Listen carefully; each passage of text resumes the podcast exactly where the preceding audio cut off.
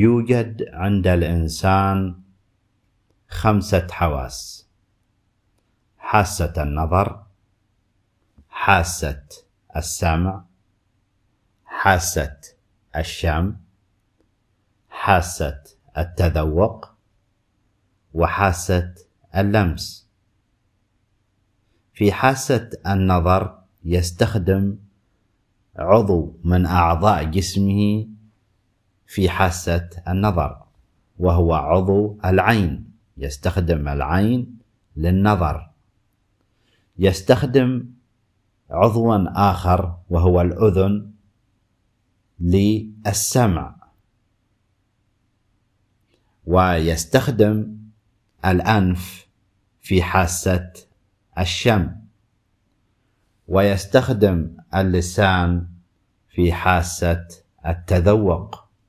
ويستخدم الجلد في حاسة اللمس. توجد في جلد الإنسان خلايا. هذه الخلايا هي مسؤولة عن مسألة الإحساس في الجلد. هذه الخلايا تعتبر مراكز للإحساس في الجلد وهي تنقل إشارات عصبية من الجلد إلى الدماغ فيحس الإنسان يحس الإنسان بأنواع اللمس المختلفة.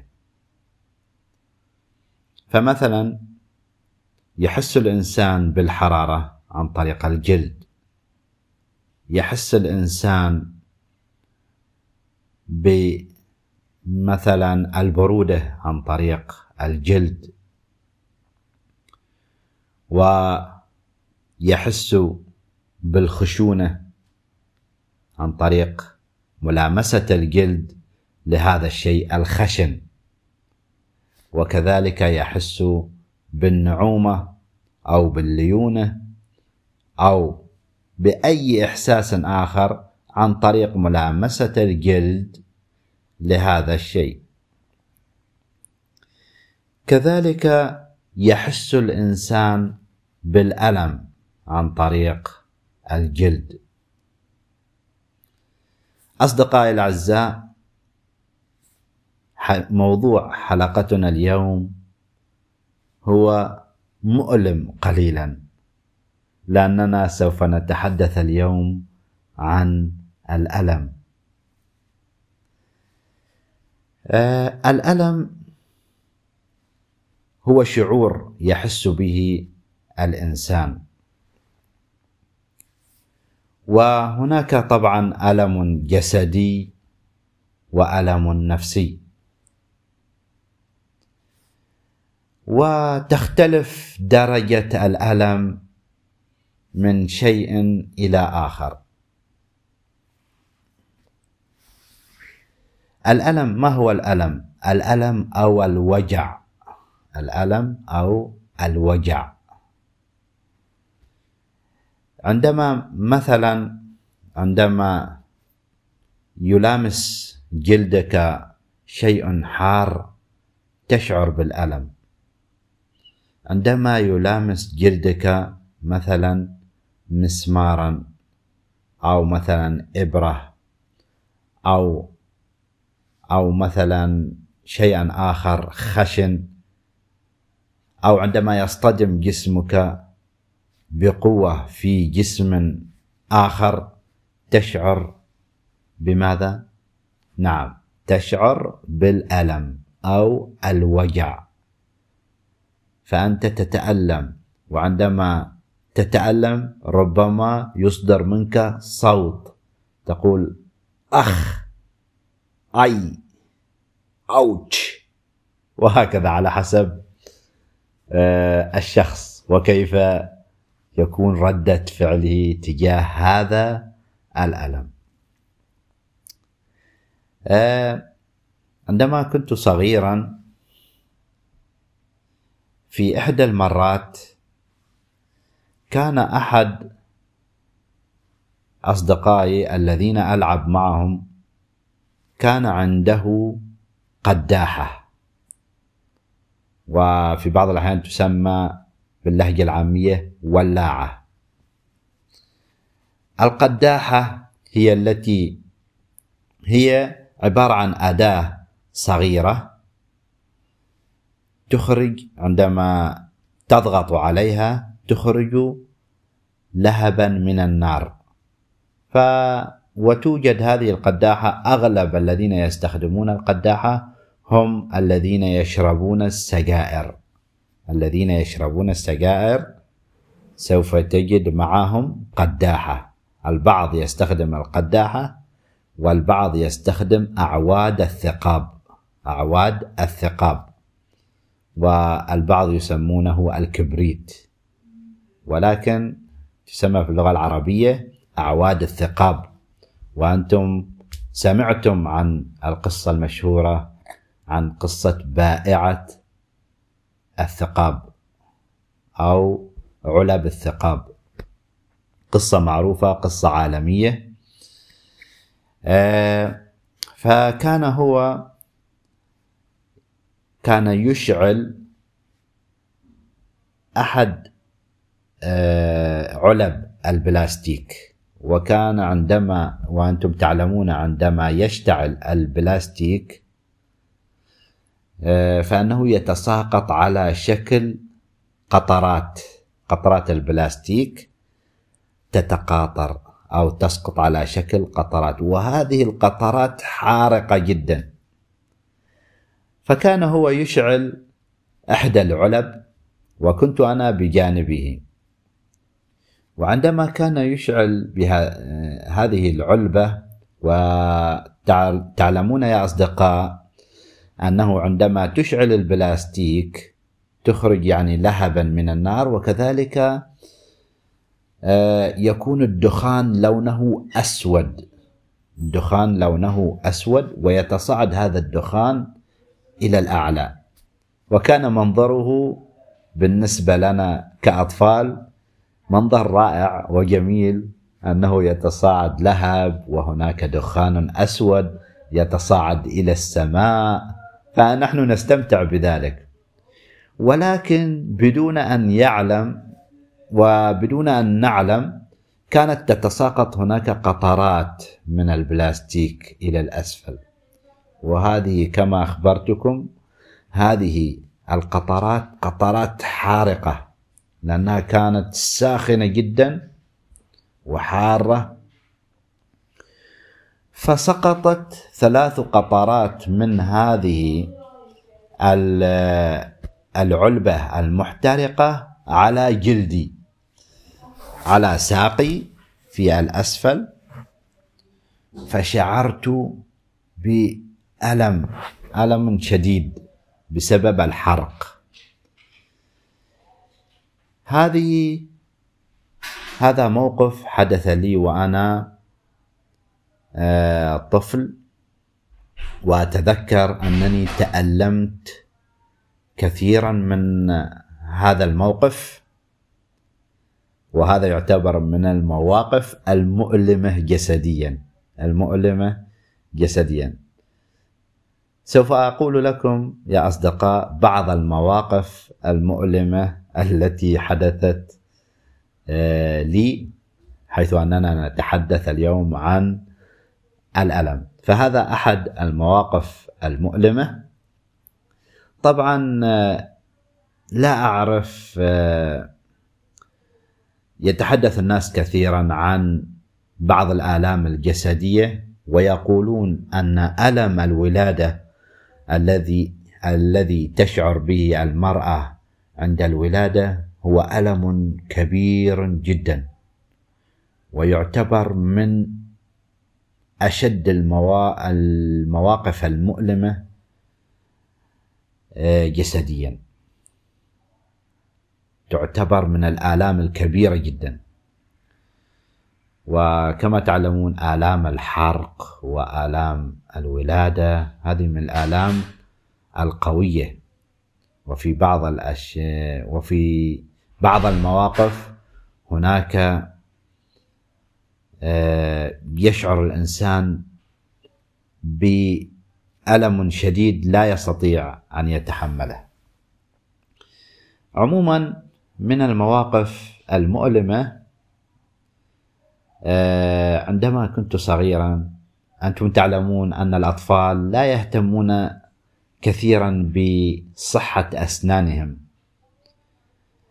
آه، فعندما كنا صغارا شعرنا وربما أنتم كذلك شعرتم بآلام الأسنان عندما كنتم صغارا. من المواقف المؤلمة هي شعورك بألم الأسنان. إحساسك بألم الأسنان. ألم الأسنان حيث أن هناك عصب في السن كما تعلمون. هذا العصب عندما يكون مكشوفا ويتم الضغط على هذا العصب يشعر الإنسان بالألم. فكان من المواقف المؤلمة هو ألم الأسنان. ولا زلت أتذكر إلى الآن أنني شعرت بذلك الألم الشديد في السن. هذه من المواقف المؤلمة. موقف آخر من المواقف المؤلمة عندما كنت صغيرا كان أبناء خالي يلعبون مع بعضهم البعض وكنت أنا معهم. وكانوا في مرة من المرات يتقاذفون بالحجارة. فكان أحدهم في مرة من المرات قذف حجرا كبيرا باتجاه أخوه أو أخيه. وكنت أنا خلف أخيه فانحنى أخيه إلى الأسفل وجاء الحجر بسرعة قوية واصطدم بجبهتي في الرأس. فكان ألما شديدا شعرت بألم شديد وذهبت أجري إلى المنزل من شدة الألم. فاستقبلتني والدتي وسألتني ماذا حدث؟ ما الذي جرى؟ فقلت لها أنني أصبت بحجرا في جبهتي فقامت والدتي آه، بعيادتي آه، في ذلك الأثناء عن طريق وضع يدها على جبهتي والضغط على آه، الجبهة لكي لا تنتفخ. هذه من المواقف المؤلمة التي حدثت في الطفولة. موقف آخر سقطت آه، الكرة. تعلمون يا أصدقاء نحن نعيش في قرى تكثر فيها النخيل وكنا نلعب أسفل النخيل. فسقطت إحدى الكرات في أعلى النخلة. فذهبت أنا صعدت أنا على النخلة لكي أحضر الكرة. ولكن لم وصلت إلى منتصف النخلة وبعد ذلك اختل توازني فسقطت. عندما سقطت لم أسقط مباشرة إلى الأرض ولكن جسمي كان معلقا بالنخلة وأنا جسمي ينزل إلى الأسفل النخلة. فجسمي كان يحتك بالنخله وأنا أنزل إلى الأسفل. عندما سقطت كان جسمي يحتك بالنخله وتعلمون أن النخله أجزاء النخله خشنة. فكانت بعض أجزاء النخلة تدخل في جلدي. فأصبح في جلدي بعض الخطوط بسبب هذا الاحتكاك وكان مؤلما جدا وبسبب الألم تركت النخلة وارتطم جسمي بالأرض يعني سقطت على ظهري على الأرض. ولكن كان ألم سقوطي على الأرض ليس كألم احتكاكي في النخلة بالنخلة بأجزاء النخلة وأنا أنزل أو أسقط إلى الأسفل. فكان هذا كان مؤلما جدا. هذا من المواقف المؤلمة. لا أطيل عليكم يا أصدقاء. آه، آخر موقف حصل لي آه، سأقول موقفا أخيرا. من المواقف المؤلمة كذلك حدث أنني في أسفل قدمي في الجلد. آه، حدث لي نتوء. نتوء يعني بروز بروز. وهذا البروز اضطررت لكي أذهب إلى إلى الطبيب لكي يزيل هذا البروز أو النتوء. فعندما ذهبت إلى طبيب الجلدية قال لي يجب أن أستخدم الكي لكي أزيل هذا النتوء يعني أستخدم الحرارة. فقال لي سوف أضربك إبرة في رجلك لكي لا تشعر بالألم كثيرا. عموما قام هذا الطبيب اولا بإزالة آه، النتوء من الخارج وبعد أن أزال شيئا من النتوء ضربني ابرا داخل الرجل من أسفل القدم في الرجل. فكانت الإبرة تقريبا تصل إلى العظم. فكان هذا الألم شديدا جدا مؤلم جدا من المواقف المؤلمة والتي أحسست بها فيها بألم كبير جدا. كان من المواقف المؤلمة وأتمنى أن لا يتكرر مثل هذا الموقف.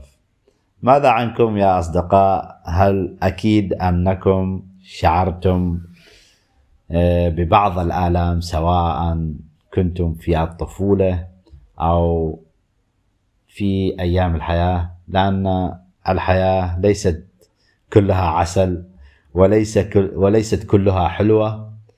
الحياة حلوة ومرة وهناك مواقف جميلة وهناك مواقف حزينة وهناك مواقف مؤلمة.